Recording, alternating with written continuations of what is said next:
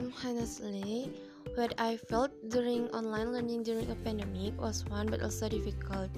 Fun because there is no need to be a rush to do assignment, and less fun when there are more tests during online learning than direct schooling. Troublesome when a network connection isn't available. That's how I felt during online learning during the pandemic. Thank you.